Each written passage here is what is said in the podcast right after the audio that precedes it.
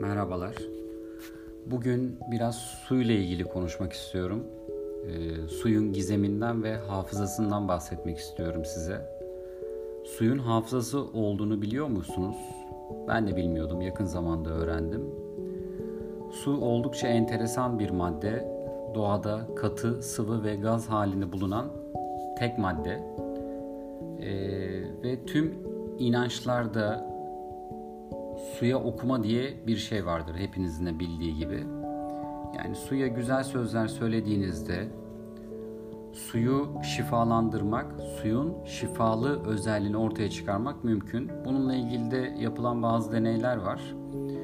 E, Krillian tekniği denilen bir teknikle maddelerin enerjisinin fotoğrafı çekilebiliyor, kayıt altına alınabiliyor.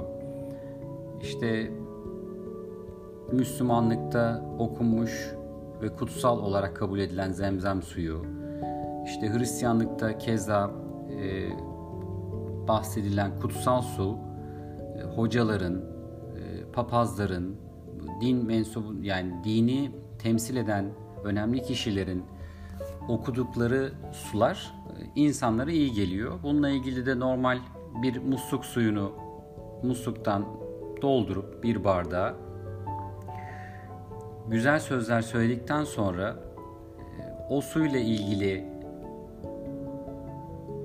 fotoğrafa baktığınızda e, suyun normal bir sudan nasıl farklılaştığını görebiliyorsunuz. Az sonra devam edeceğiz.